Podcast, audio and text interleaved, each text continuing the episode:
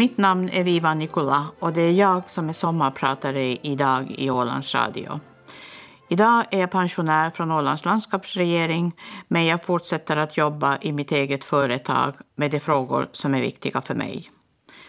Jag kommer att prata om kärlek, om lycka och tacksamhet över att finnas till men också om att leva i flera år med svår sjukdom i familjen och om att förlora kampen om att hantera en obeskrivbar sorg som så småningom har övergått i saknad. Allt det som innebär att leva och om vikten att ta tillvara varje minut och varje timme och att känna tacksamhet för att jag finns här just nu, mitt uppe i livet. Och jag har insett att ingenting går i repris och det går inte att backa bandet och göra om. Livet är här just nu och framtiden vet vi inget om. Jag ångrar ingenting av det jag gjort, för det finns alltid nya utvägar. Men eh, jag vill ta tillvara på sekunderna, för de är så viktiga. Vidare kommer jag att prata om vad demokrati, jämställdhet och mänskliga rättigheter innebär för mig och hur jag och många andra arbetat för och gett vårt bidrag till att Åland ska bli en bättre plats att leva på för alla. Hur jag hanterat olika former av motstånd men också om strategier för framgångskoncept som att ha uppdaterad kunskap, mod och vilja att visa ödmjukhet, empati och professionalitet i uppdraget som chef för jämställdhetsfrågor vid Ålands landskapsregering. För att göra en lång, lång historia kort så kom jag till Åland i mitten av 1970-talet för ett vikariat på Övernäs låg och mellanstadieskola. Jag skulle bli ett läsår och sedan åka hem igen till Vasa. Nu har jag bott på Åland största delen av mitt liv. Åland är min plats i världen och på jorden. Här känner jag mig hemma, här finns mina vänner, mitt nätverk. Människor jag träffat i olika sammanhang i olika skeden av mitt liv. Människor som alla har en speciell plats i mitt hjärta. På Åland träffade jag den man som blev mitt livs stora kärlek mannen jag gifte mig med och som blev pappa till vår älskade Katti. Mannen som jag delade livet med i 35 år. Mannen som speglade mitt mod, min styrka, min vilja och mina ambitioner. Mannen som höll om mig då jag var rädd, ledsen, svag eller osäker. Eller höll om mig när jag var jättelycklig. Mannen som lyfte fram det bästa hos mig och som alltid fanns där, i glädje, i sorg och i lyckliga stunder.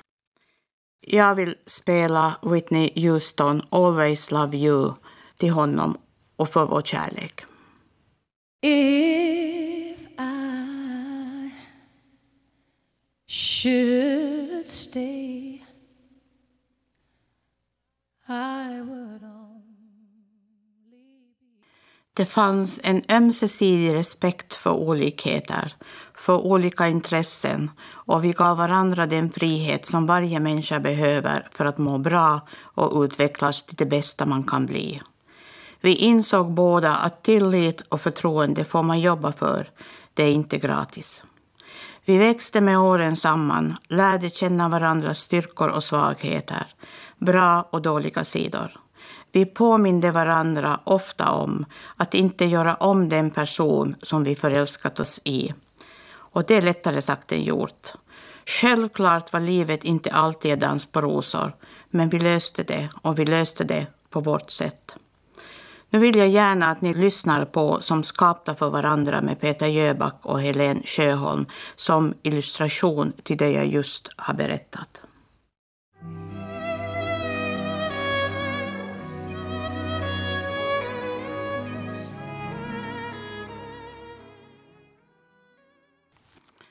Under tiden det privata livet pågick var jag lärare i Mariehamns högstadieskola.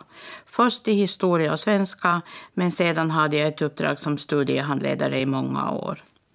Jag hade Mariehamns högstadieskola, som senare blev Övernäs högstadieskola, som arbetsplats i närmare 20 år och verkade även flera år som vice rektor och det var ett förtroendeuppdrag. Jag har alltid älskat mitt jobb, oberoende av på vilken arbetsplats jag varit och jobbet har alltid varit viktigt för mig och varit en stor del av mitt liv. Jag har alltid haft ambitionen att göra skillnad och jag har varit stolt och lycklig över att ibland ha kunnat utveckla och förändra. Som studiehandledare fick jag möjlighet att träffa eleverna på ett annat sätt. Prestation och vitsord var inte viktiga, utan fokus blev på vem hon eller han var och vad de ville med livet. Vad kunde man göra? Vem behövde man? Vilka myrsteg skulle man ta för att nå dit? Ibland sökte eleverna upp mig bara för att komma ifrån ett tag och ha en liten pratstund. Jag var själv ung, ganska omogen och oerfaren och jag gjorde säkert många fel. Och med facit i hand kunde jag ha agerat annorlunda i flera situationer. Men jag kände alltid en stor kärlek till eleverna och till deras vårdnadshavare. Och jag var engagerad och försökte göra det jag trodde var bäst. Och jag försökte lyssna på alla. Jag är fullt övertygad om att varje vårdnadshavare vill sitt barns bästa och tillsammans kan vi göra underverk. Jag fick uppleva stor glädje och lycka tillsammans med elever och vårdnadshavare, men också sorg, upplevda misslyckanden, orättvisor och besvikelser. Själv har jag alltid varit duktig flicka med enorma prestationskrav på mig själv och skolan var för mig ett ställe där jag ändå trivdes. Så under min högstadietid fick jag lära mig att vi är olika, att vi har olika förutsättningar, att vi har olika tillgång till stöd, uppmuntran och hjälp. Och jag förstod att det fanns elever som hatade skolan och allt vad den representerade. Att det fanns många hem med dåliga erfarenheter av skolvärlden. Mitt uppdrag var att göra tillvaron dräglig för dessa ungdomar för att bevisa för misstänksamma hem att allt kan bli bättre bara vi hjälps åt, bara vi drar åt samma håll. Jag fick också lära mig hantera fusk och skolk med varsam hand och lita på min magkänsla. Att inte göra fel. Jag lärde mig att ungdomar i högstadiet är känsliga, sköra, älskliga och ibland helt odrägliga. Men att i varje elev finns någonting gott, kärleksfullt och mycket, mycket värdefullt. Det gällde för mig att hitta nyckeln så jag kunde låsa upp hjärtan och jobba så att jag förtjänade elevernas tillit och förtroende. Tillit och förtroende kommer inte gratis. Man måste jobba för det. Jag har många goda vänner idag bland dem som jag träffade i högstadiet, både bland eleverna men också bland deras vårdnadshavare. Jag såg, men jag förstod inte vad jag såg. Jag hade inte kunskap eller erfarenhet. Idag vet jag vad jag såg, vad jag inte förstod och jag har fått det bekräftat på många olika sätt av flera av mina tidigare elever. Så nu säger jag förlåt till er alla som aldrig fick frågan av mig hur ni hade det. Nu vill jag att vi lyssnar på Einbusk och älska mig för den jag är.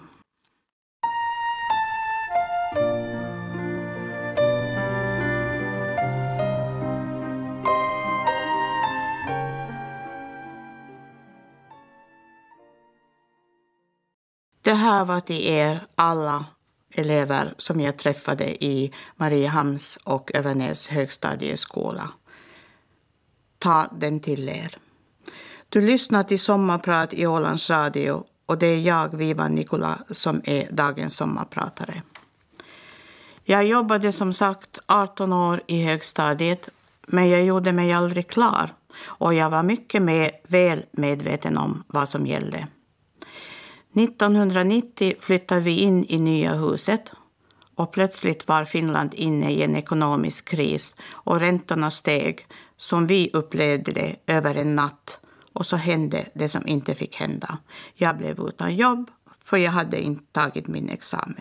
Jag var inte formellt behörig. Jo, då gällde det att göra det som jag skulle ha gjort för 18 år sedan nämligen att slutföra mina studier och avlägga examen. Sagt och gjort, jag tog itu med studierna. En dörr stängdes, men det gällde att hitta ett fönster som gick att öppna. Jag var jätte, jätte olycklig. Men jag kunde fortsätta studierna vid Åbo Akademi och jag fick räkna allt det jag hade gjort till godo. Samtidigt så öppnar sig möjligheten att arbeta 60 procent som sekreterare för jämställdhetsdelegationen vid Ålands landskapsstyrelses social och hälsovårdsavdelning.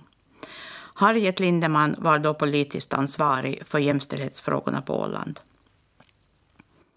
Jag hade ingen aning om vad jag gav mig in på och jag visste bara att jag upplevt saker och upplevt någonting i skolan som jag inte förstod och jag hade flera gånger tänkt på hur olika plats pojkar och flickor tog och eh, hur olika förväntningarna i skolan var på pojkar och flickor.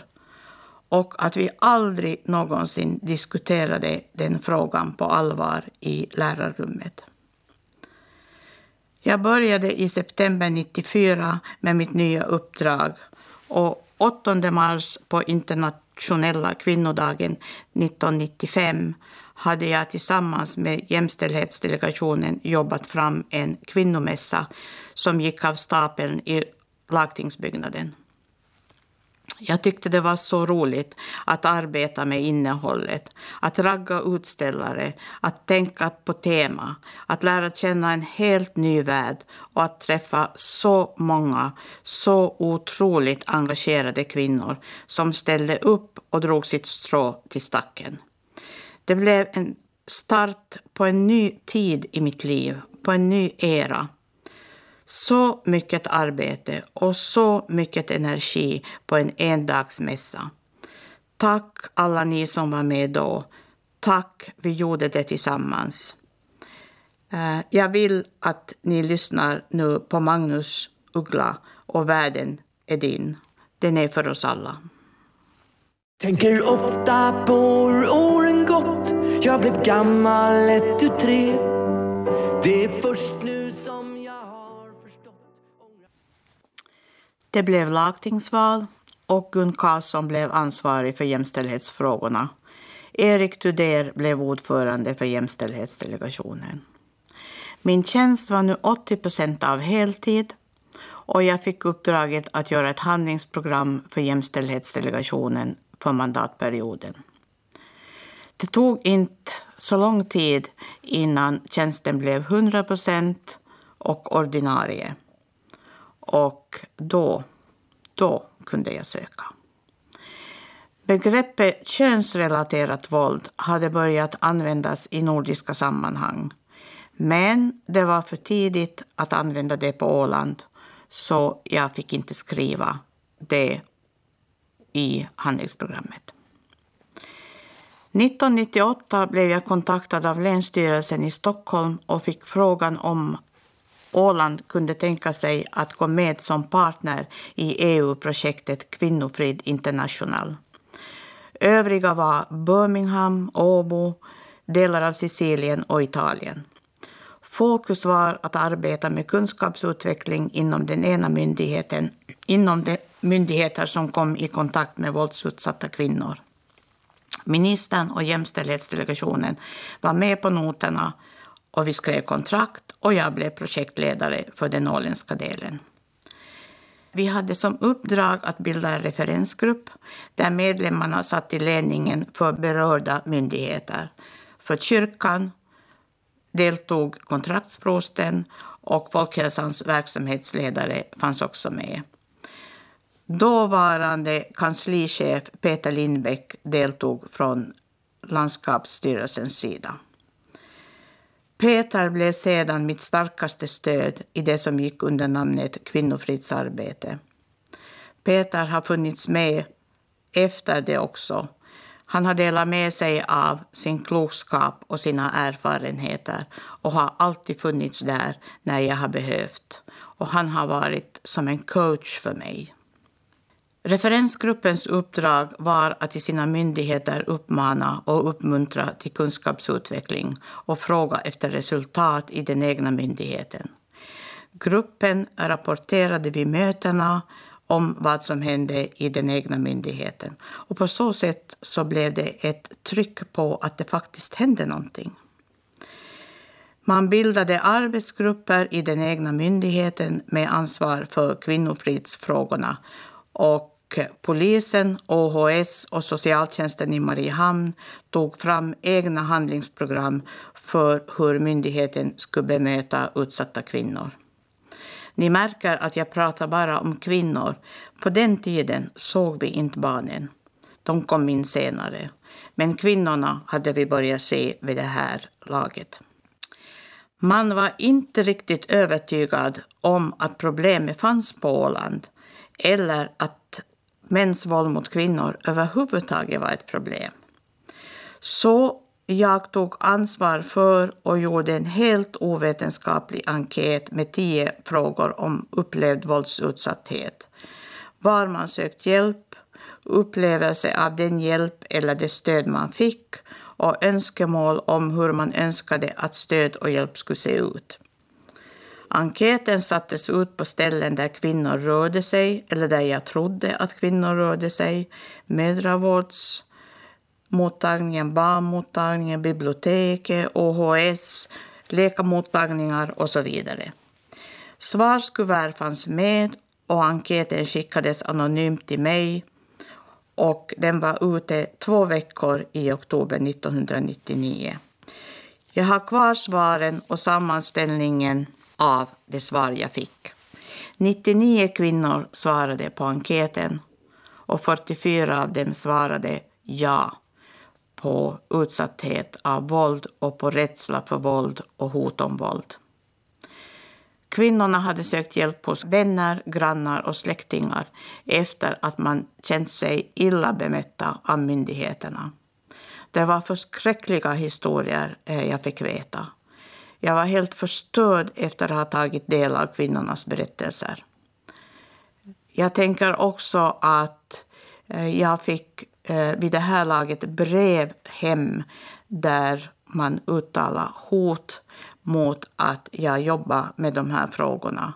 Och det som var upprörande var att breven fanns i min postlåda utanför vårt hus och var ofrankerade. Alltså betydde det att någon hade varit dit med dem. Och det gjorde mig lite rädd. Men jag hade min trygghet hemma. 2017, då Åsum tillsammans med landskapsregeringen gjorde undersökningen om våld i nära relationer på Åland, så var svaren på en del frågor de samma som 1999. Vi bryter här och lyssna på Sweet Caroline med Neil Diamond.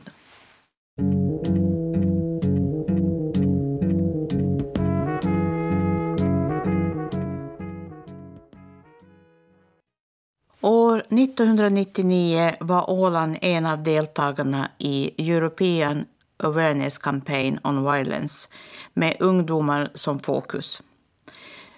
Bland aktiviteterna hade vi bland annat en interaktiv teaterföreställning för alla högstadier på Åland. Föreställningen hette Det är väl inte hela världen att kallas hora eller bög, eller. Studiematerial togs fram och diskussioner hölls i skolorna. Det här var väldigt, väldigt intressant och eh, den här frågan hade kanske inte lyfts på det här sättet tidigare.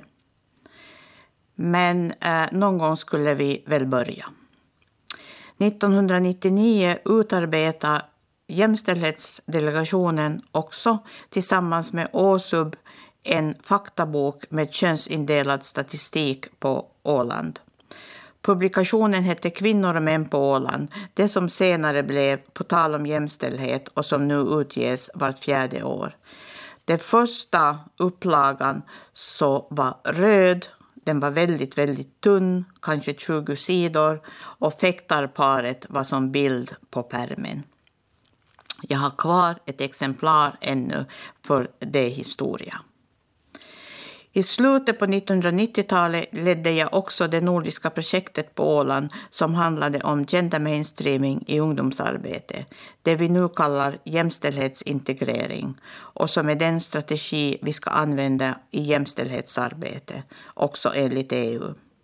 Jämställdhet ska in i ordinarie strukturer och arbetet ska utföras av ordinarie personal i verksamheten.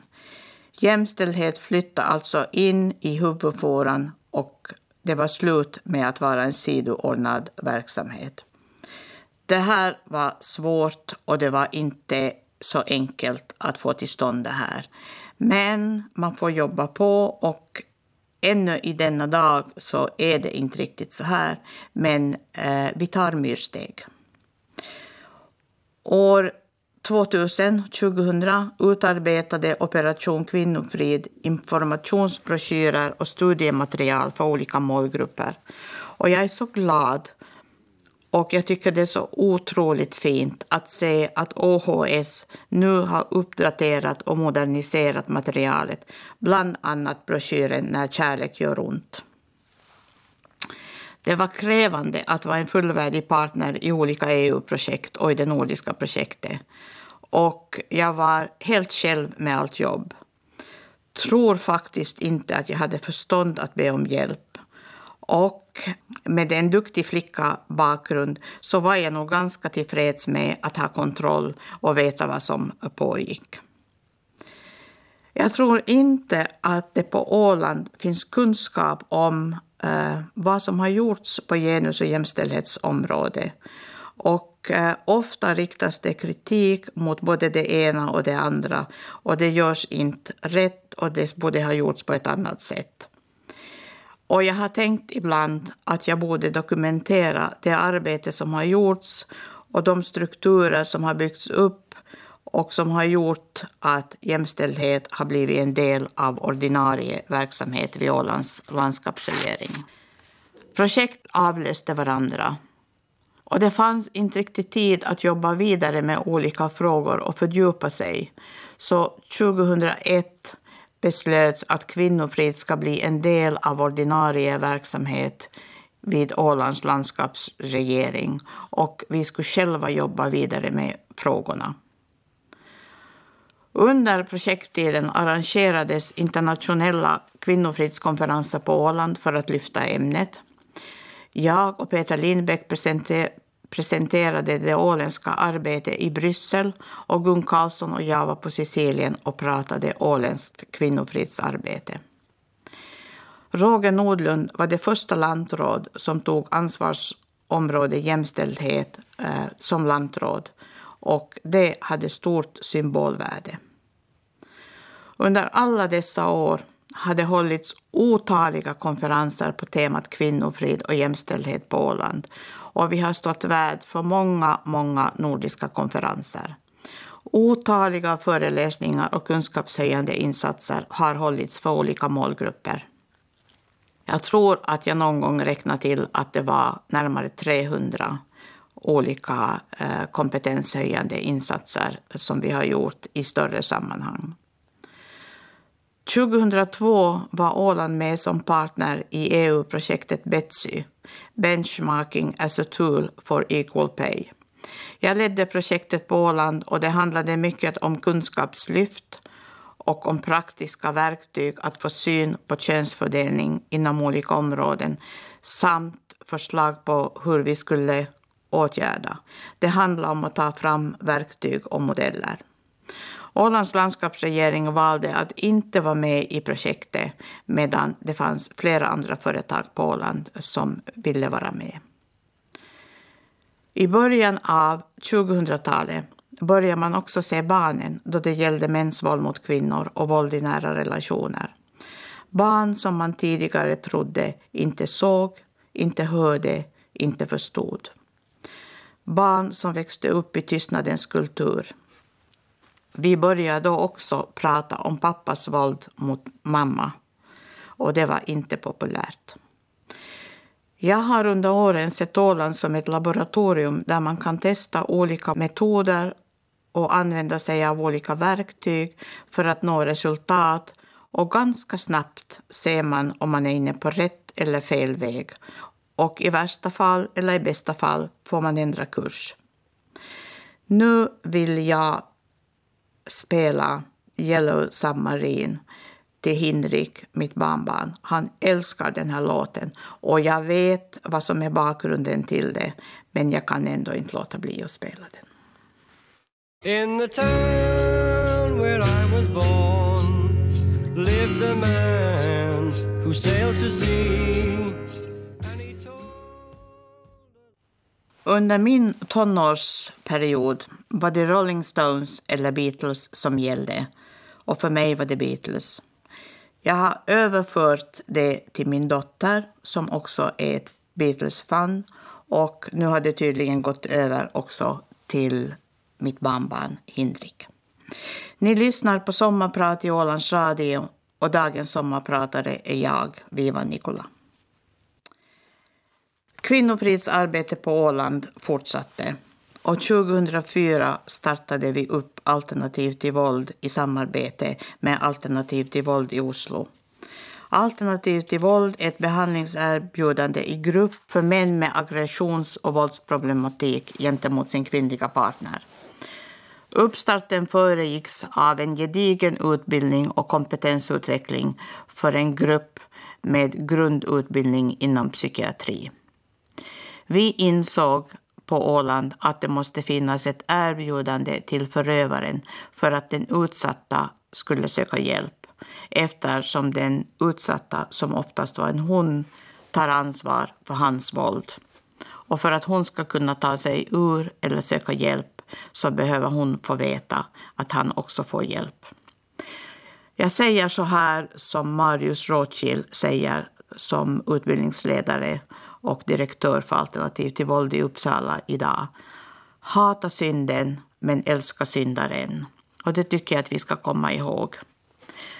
Vi ska hata handlingarna, men vi ska inte hata den som utför handlingarna. Det finns hjälp att få. Det måste finnas ett erbjudande för förövaren för att polis, sjuk och hälsovård samt socialtjänst ska ha ett ställe att hänvisa till. Grupperbjudande Alternativ till våld på Åland var det första i Norden där initiativtagaren var en myndighet utanför kriminalvården. Deltagande är avgiftsfritt och det har sina för och nackdelar. Fördelarna är att alla har möjlighet och man behöver inte söka bidrag eller man kan inte säga att man inte har råd. Nackdelarna är kanske att gratis kanske inte uppskattas alltid. Samtidigt som eh, vi, eller kanske lite tidigare, eh, hade vi också startat upp ett samarbete med Nationellt centrum för kvinnofrid i Uppsala, Kvinnofridslinjen. En telefonlinje för Eh, utsatta kvinnor, för oroliga grannar, för släktingar, för arbetskamrater dit man kan ringa för att be om stöd och hjälp och kanske bli bekräftad. Diskussionen fördes på Åland om att vi skulle ha en egen kvinnojour och en egen telefonlinje. Men då eh, så så fanns det en telefonlinje i Åbo som man la ner, den enda på svenska. Och um, orsaken till att man la ner den så var att det fanns olika kunskap, det fanns olika värdegrund bland dem som svarade i telefon. Det fanns också en vilja att jobba på olika sätt. En del ville ha samma personer många gånger och gick in med hull och hår. Andra ville hålla ett avstånd till det man, uh, till det man gjorde. Det var också kanske så att när det var midsommar eller nyår så var det inte så intressant att, att sitta i telefon. Så därför valde vi att gå in och samarbeta med Nationellt centrum för kvinnofrid. Och det samarbetet har fungerat bra. 2005 lyfte vi frågan för första gången om maskulinitet och maskulinitetsnormen i ett projekt som hette Norm, all eller inte. Ett arbete med unga män ur ett normkritiskt förhållningssätt i ett samhälle där mannen är norm. Är det alltid så bra att vara normen?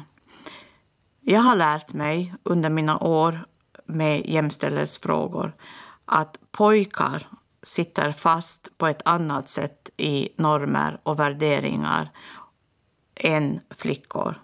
Det är lättare för, för en flicka att göra pojkaktiviteter och klä sig pojkigt och det har hög status än vad det är för en pojke att göra flickaktiviteter eller ha rosa skor. Så äh, det här var ett bra projekt och ungdomsarbetare och lärare var målgrupp i projektet för att de skulle jobba vidare med pojkarna. Jag är helt övertygad om att vi har ett viktigt uppdrag att i högre grad ha fokus på pojkar och att lägga ner resurser på det. Vi har i många, många år arbetat med flickor, med tjejgrupper, med att lära flickor sätta gränser och så vidare och så vidare. Men vi uppnår aldrig jämställdhet om vi inte jobbar också med pojkar. Om vi inte jobbar med maskulinitet och maskulinitetsnormer.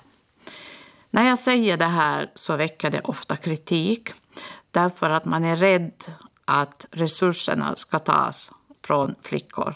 Man upplever att pojkar alltid har fått och alltid får mera resurser än flickor. Men jag tror inte att vi kommer vidare i jämställdhetsarbete om vi inte också jobbar med pojkar. Jag tror inte att vi kan förvänta oss att pojkar växer upp till de goda män vi vill ha om vi inte hjälper dem på vägen så som vi hjälper flickorna. Jag tänker ofta på hur aggressivitet och våld är starkt förknippat med pojkar.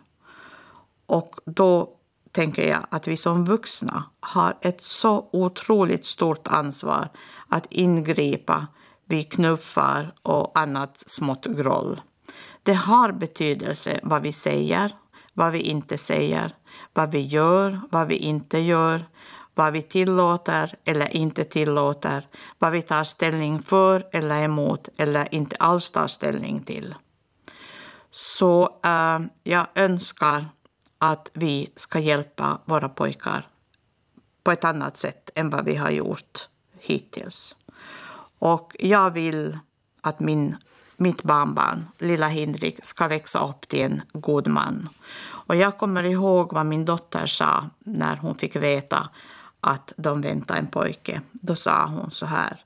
Mamma, nu känner jag att jag har ett större ansvar att fostra och göra så att Hindrik blir en god man som alla tycker om. 2008 påbörjades arbetet med barnomsorgen med att integrera ett genus och jämställdhetsperspektiv i verksamheten. Det var bland det roligaste jag har varit med om och hela Ålands barnomsorgsverksamhet var delaktiga. Och under projektets gång så uppdagades andra problem än eh, genus och jämställdhet i barnomsorgen. Nämligen att många av förskolorna ute i skärgården och så vidare inte hade kontaktytor. Och eh, det ville då att vi skulle hjälpa till med det här. Och det är ofta så med genus och jämställdhet att det upptäcks också andra saker i arbetet med genus och jämställdhet.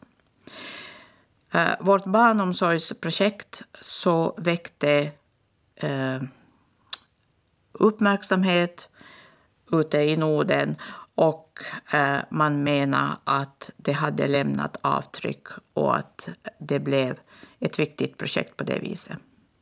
Före barnomsorgen hade vi jämt i skolan och där var fokus på genus och jämställdhet i grundskolan och fokusgrupp blev ledningen och senare skulle all personal involveras. Kunskapsutveckling, utvecklande av verktyg och metoder var arbetssättet. Eh, det här projektet så avslutades sedan i förtid av olika anledningar. Vi resonerade eh, när det gällde Jämtiskolan som är referensgruppen för kvinnofrid, att ledningen skulle vara på vågens framkant, uppmana till jämställdhetsarbete och fråga efter resultat. Men de skulle ha mycket kunskap och mycket verktyg eh, så att de visste vad de pratade om. Vi har också arrangerat två konferenser om människohandel för sexuella ändamål. Då visste vi inte vad vi vet idag om människohandel. Vi hade föreläsare från hela Norden och många sa så här. Nej, jag vill inte veta, jag vill inte höra, nej, det här är för hemskt. Men jag tänker så här, vi måste orka lyssna för att det finns de som måste stå ut med och att utsättas för människohandel.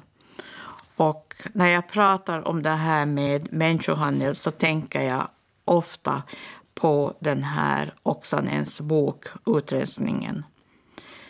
Det är en eh, fruktansvärd historia hon berättar och jag tror att man bör läsa den för att förstå vad som pågår i världen. Här tycker jag att det passar bra med att lyssna på Ted Gärdestad och Himlen är oskyldigt blå.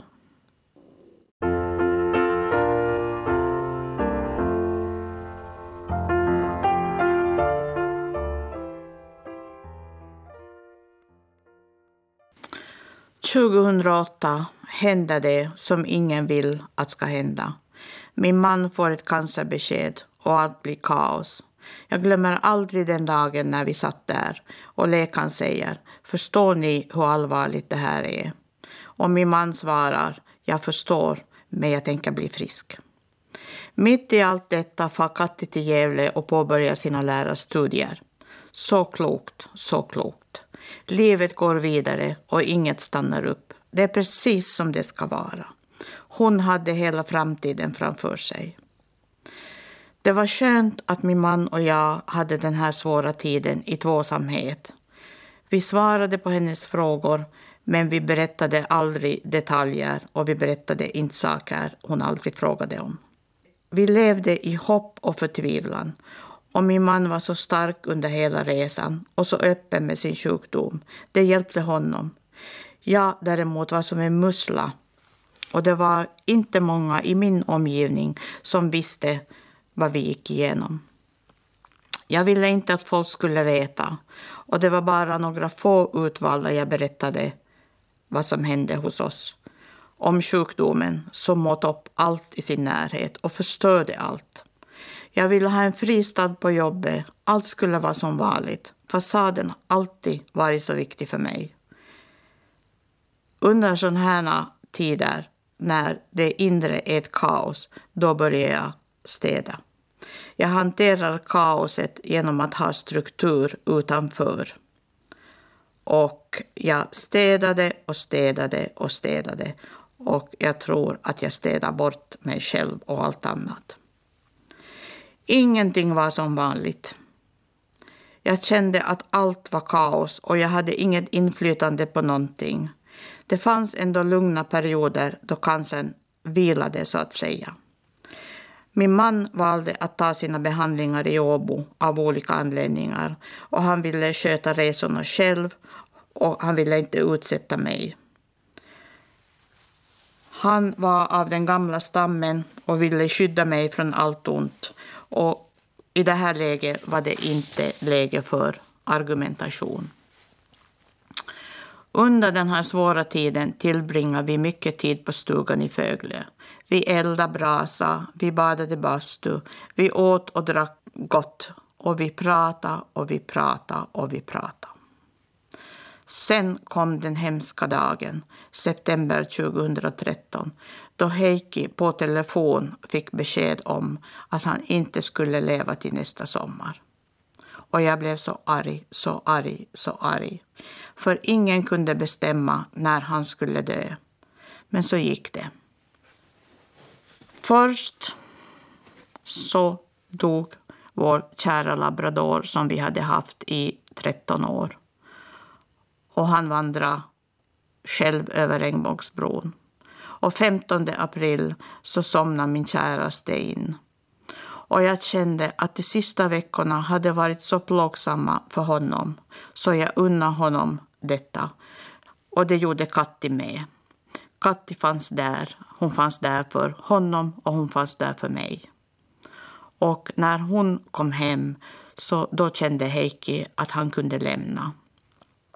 Och han sa många gånger åt mig, Vivan, jag ser att du klarar inte av mera nu, men vet du, jag klarar inte heller av mera. Jag är inte den viking som du gifte dig med. Min käraste lilla syster Kate kom till Åland och stannade hos mig en månad. Katti åkte till Gävle och gjorde sitt slutarbete och fick sin examen. Och det var så klokt, så klokt. Jag ville hålla henne kvar, men jag hade också förstånd att släppa henne. Jag har hela tiden hållit fast vid att jag är mamma och Katti är mitt barn. Och så ska det vara. Hon ska inte vara min mamma.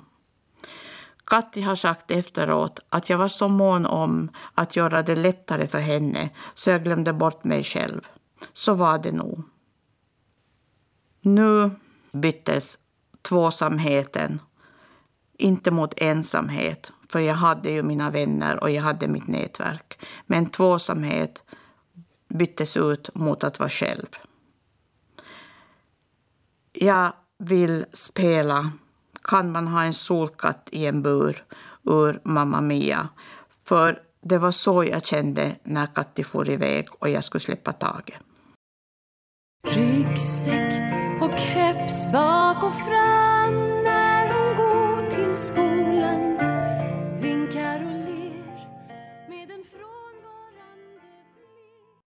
Den här är till dig, Katti. Jag vill att du ska leva ditt liv. Men jag saknar dig otroligt när du inte är här.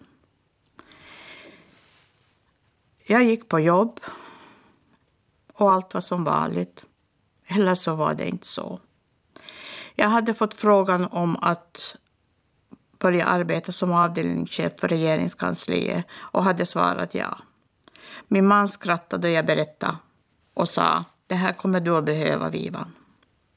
Så nu hade jag satt mig i den situationen att jag skulle sköta avdelningschefskapet på regeringskansliet och uppdraget som chef för jämställdhetsfrågor. Men den utmaningen behövde jag. Jag behövde den verkligen då. Ärligt sagt så kommer jag inte ihåg så mycket av året efter Heikis död. Jag var som i en bubbla. Jag upptäckte plötsligt hur bortskämd jag hade varit och hur lite jag kunde om praktiska saker. Heikki tog alltid hand om allting. Han till och med tankade bilen till mig. Jag visste inte ens hur man skulle sätta på uh, värmen till badrummet eller hur man sänkte eller ökade den. Men jag lärde mig. Jag fick lära mig den svåra vägen.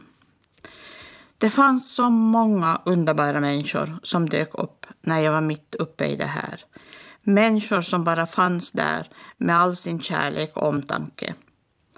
Jag kan känna en så stor tacksamhet för era insatser och jag kan aldrig glömma vad ni gjorde. Tack för att ni fanns där och tack för att ni finns där. Jag fick uppmaningen att fråga och be om hjälp då jag behövde. Men det var så svårt för mig. Det var så svårt. Heikki sa alltid när vi hade problem. Vivan, vi löser det. Jag vet inte hur, men vi löser det. Och Katti sa när Heikki hade dött. Mamma, vi löser det. Och jag vet hur vi löser det. Jag kan också känna en så stor tacksamhet för att jag har levt ett liv i kärlek och omsorg och jag har aldrig behövt vara rädd. Hemmet har varit min tryggaste plats. Den har varit full av kärlek. Tillbaka till arbetet. 2010 införs för första gången jämställdhetsbilagan i landskapets budget. Och det var efter att regeringen och avdelningscheferna var på studiebesök till regeringskansliet under Maud Olofssons tid som näringsminister. Jag tänker ofta på hur värdefull information som finns i jämställdhetsbilagan och att politiker borde fördjupa sig och fundera över hur det står till i landskapet och hur man kan få det att se annorlunda ut. I december 2016 så får jag ett samtal som innebär oändlig lycka. Jag ska bli mormor.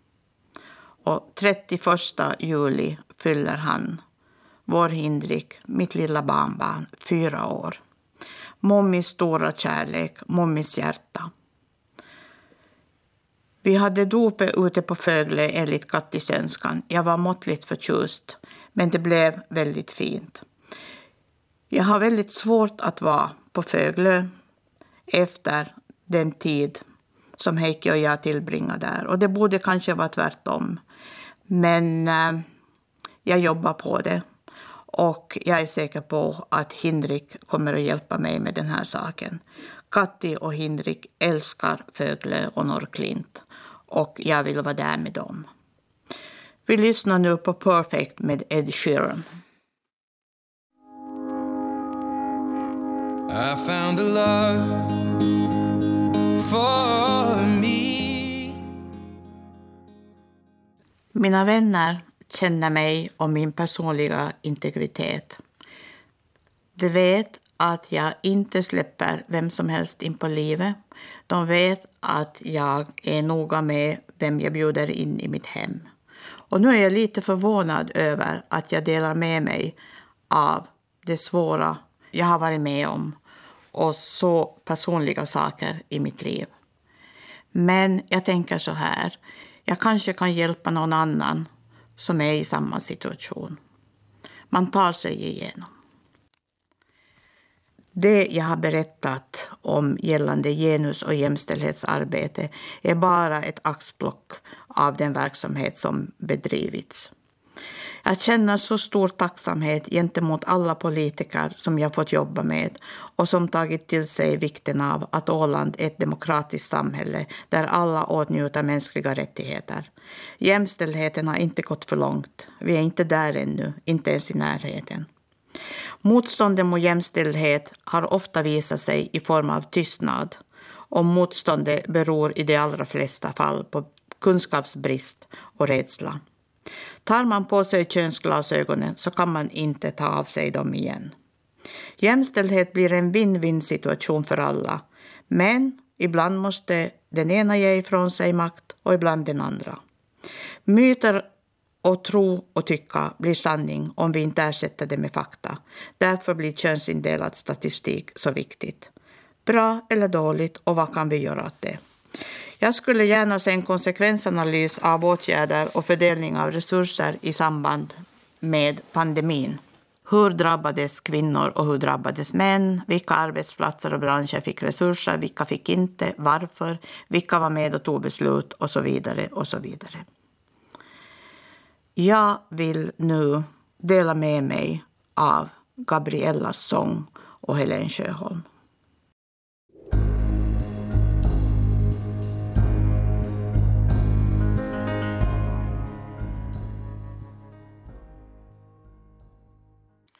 Precis så känner jag och så vill jag också leva resten av mitt liv. Ni lyssnar på Sommarprat i Ålands Radio med mig, Vivan Nikola. Jag har så mycket kvar att göra när det gäller att göra Åland till världens bästa plats att leva på för alla. Men mitt allra, allra viktigaste uppdrag det är att vara Hindriks mommi. Det har jag lovat och det kommer jag att hålla. Jag ska finnas där för honom så länge jag bara lever. Och det har jag också lovat både Katti och Hinrik. Så det är det allra viktigaste. Nu kommer jag ändå att arbeta en hel del som seniorrådgivare i våldsförebyggande arbete internationellt. Och så vill jag vara en del av arbetet med att förebygga mäns våld mot kvinnor och våld i nära relationer på Åland mäns våld mot kvinnor och barn. Jag har ingen ersättare på Ålands landskapsregering. Det har inte skett någon ny rekrytering, så jag har ingen att lämna över till. Men det kommer väl att lösa sig. Ingen kan göra allt, men tillsammans kan vi göra underverk. Men då måste vi ha kunskap, mod och vilja och vi måste jobba tillsammans. Är ni redo? Det brukar Hindrik alltid säga åt mig. Är ni redo för det här jobbet? Jag vill vara med och göra skillnad på min plats i världen och på jorden. Och det är Åland. Och nu avslutar jag med en instrumental version av Lasse Mortenssons Stormkärs-Maja och tackar för mig.